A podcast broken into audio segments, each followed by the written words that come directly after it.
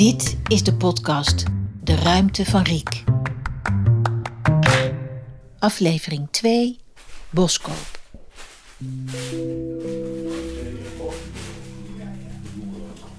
Op een doordeweekse ochtend vindt een bijzondere ontmoeting plaats in Rotterdam. Riek en Leon de Jong hebben elkaar decennia niet gezien.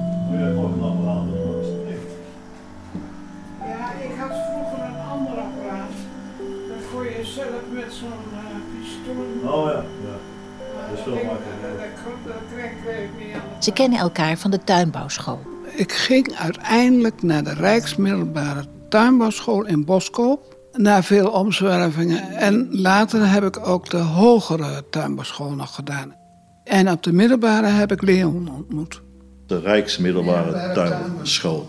Dat was in Boskoop. Ja, je kon dus twee richtingen doen in Boskoop. De boomteeltrichting en de ontwerprichting. Nou, daar ben ik begonnen. Het eerste jaar was het eh, eh, je rotwerken, want je moest allemaal alle planten kennen. En, Ja. en dan kreeg je plantenkennis en dan werd je door, overhoord door meneer Harmsten. En dan na het eerste jaar, dan moest je kiezen wat je wilde. En dan waren heel een hoop eh, Boskoopse jongens en ook zonen van, eh, van, van kwekers. Die deden boomteelt. En wij deden het, het, het ontwerpen. Toen moesten we thuis gaan zitten tekenen op ons kamertje. En dat was eigenlijk eh, het begin. Zij was eigenlijk niet het meisje wat eh, graag met bloemetjes speelde en die dat mooi vond en leuk vond en die beestjes. Zo was Riek niet. Ze was echt anders als die andere studenten die bij ons op school zaten. Want Riek had natuurlijk altijd wel power. Het was altijd een powervrouw. En dat, dat, ja, dat ging overal over. Ze, ze, ze, ze zat ook nergens mee. En als klasgenoten moet je elkaar een beetje helpen. Leon, maar ook Henk, die had op een gegeven moment zoiets van... ja, dat krijgen we niet zo snel voor elkaar als jij dat doet. Kun jij niet even die tekening voor ons maken? En dan eh, zei ik, ja, dat is goed, maar dan moeten jullie even mijn eh, constructie... eh, dat proefwerk voor die constructie doen, want eh, dan, sla ik dat over. En wiskunde, dat, daar was ik ook niet van. Dus wij, wij maakten zo deals... Kijk, Riek, die, eh, als wij zelf met een ontwerp zaten, dan, dan voelden we wel of zagen we wel, eh, iets klopt eigenlijk niet, iets loopt niet zo goed. En dan zeiden we, Riek, help eens even. En Riek, die had het dan, dat wij dan on- ons eigen dood op zaten te staren, zet Riek een streep. En ja verdorie, daar zaten we nou op te wachten op die streep. Kijk, je kunt leren schilderen, maar je kunt ook schilder zijn. En Riek was dat. En wij deden ons best om het te worden. En dat is een heel groot verschil. Ik was 17. En Riek is eh, drie jaar ouder als ik. En ietsjes eh volwassener misschien wel. Weet ik niet. Ze zat ook achter mij in de klas. Had veel te veel knoflook. Nou, Nou, Leon, dat was. eh, ja, wat zal ik zeggen? Dat was eh, eh, een broertje van me. Maar dan een, een, een lekker broertje, een lief broertje. Die zat me niet te treiteren, want dat gebeurde natuurlijk af en toe. Maar ik kon vreselijk goed met hem opschieten. Eh, ik vond het heel fijn dat hij zo'n klein mannetje was. Dan kon ik de arm om hem heen slaan. En eh, ik vond het ook lekker om aan hem te zitten. Ik had geen enkele gêne. Ik denk, oké, dat doen we allemaal. Nou, we hadden ook wel wat, ja. Ja, Maar we waren gewoon dikke maten. En het was altijd gezellig. En, en, en we hadden ook geen. We werden er niet, niet zenuwachtig van. Of, of, of- dat, dat ging allemaal vanzelf. Ik had mijn leven in, in Boskoop. Ik had een oud café en ik woonde in de gelachkamer. Ja. dat was fantastisch. Maar dat was op die school, dat was vloeken in de kerk. Want die school die probeerde alle studenten bij mensen in huis... op een kamer onder eh, toezicht van de hospita en de hospice, eh, hoe heet het allemaal. Ik was in een gezin, hadden ze elf kinderen en was er eentje gaan trouwen en was er een kamer over. En daar kwam ik dus terecht. Ja, en Riek was natuurlijk wel een, een geweldige stek om daar de vrijheid te snuiven. En, en, en ja, ook de sfeer, de sfeer die daar hing in zo'n oud café, hè, dat, daar, daar hangt nog iets. Hè. Het was een heel, eigenlijk een heel groot ding wel, nog groter dan deze kamer. En er zat nog aan de zijkant een tap zat er nog en dat hele houten ding. En daar had ik zelf een bedje in getimmerd. En daar sliep ik, dus dat was een heel veilig uh, holletje daar. Achter de bar, ja. Café de Landbouw, ik zal het nooit meer vergeten. Het was voor die school ook wel wat, want op een gegeven moment...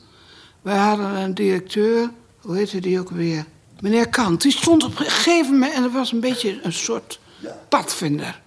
En op een gegeven moment, uh, ik zit daar in die kamer, ik doe iets, ik weet niet meer wat. En loopt die kant binnen.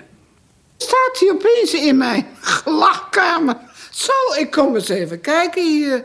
Ik zei, nou, daar, daar is een bel hoor. U had ook gewoon kunnen bellen. Nou, stond hij helemaal te kijken van, wat doe je hier? Want ik was een van de weinigen die zelfstandig hadden besloten weg wij gaan in het café wonen. Hij is op pad gestuurd om te kijken of uh, dat het daglicht wel kon verdragen. Altijd. Nee, ik heb er nooit meer wat van gehoord.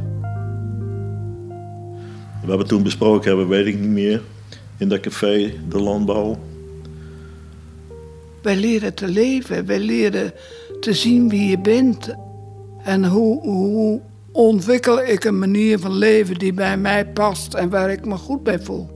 In mensen kijken, dat had Riet niet op school, dat had ze van zichzelf. Iets zien. Niet alleen kijken, maar ook zien. Dat kan Riek heel goed. Ze zitten nog op school, maar de ondernemingszin zit er ook al in. Met vriend Henk Kramer en Leon de Jong begint Riek een bedrijfje.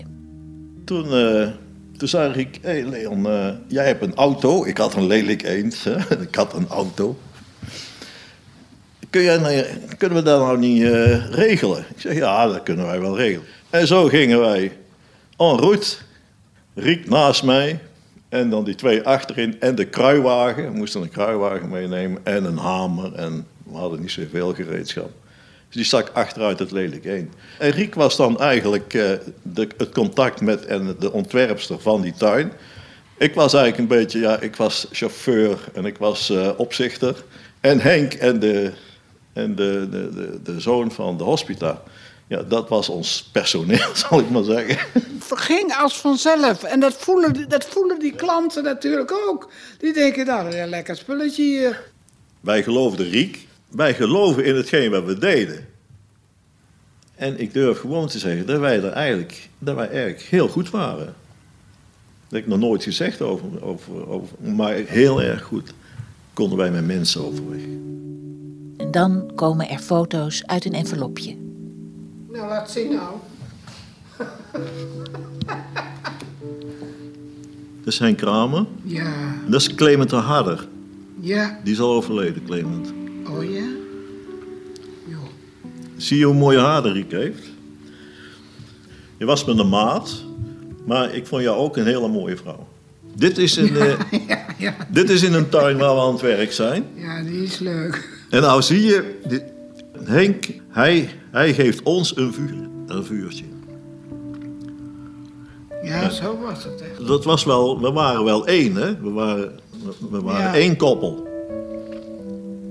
Ik was alleen nog eh 30 kilo lichter, denk ik. Wat voor parcours Riek af heeft moeten leggen om, om, om, om voor elkaar te krijgen wat ze voor elkaar heeft gekregen. Vanaf, vanaf, vanaf de Boskoopse periode, wat ze zelf door heeft moeten leven en maken om daar te, te kunnen komen. Dat, dat, dat, dat, is, dat is niet zomaar aankomen waaien. Dat is niet aankomen waaien qua bedrijf, maar ook niet qua mens, qua vrouw. Ja, dat is wat ik voel. Ze heeft het allemaal zelf overwonnen en dat gaat niet vanzelf. Je bent een liever. Zo is dat of niet? Zo is het.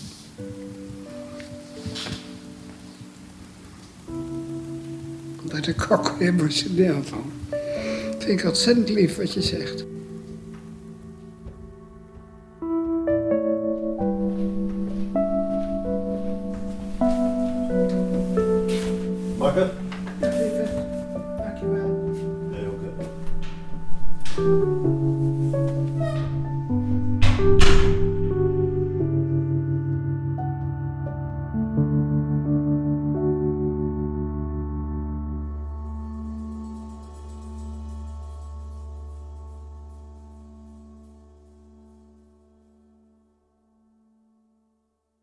De ruimte van Riek. Deze podcast hoort bij het gelijknamige boek over stedenbouwkundige Riek Bakker, geschreven door Margreet Vochtelo en Riek Bakker. Maar is ook zelfstandig te beluisteren.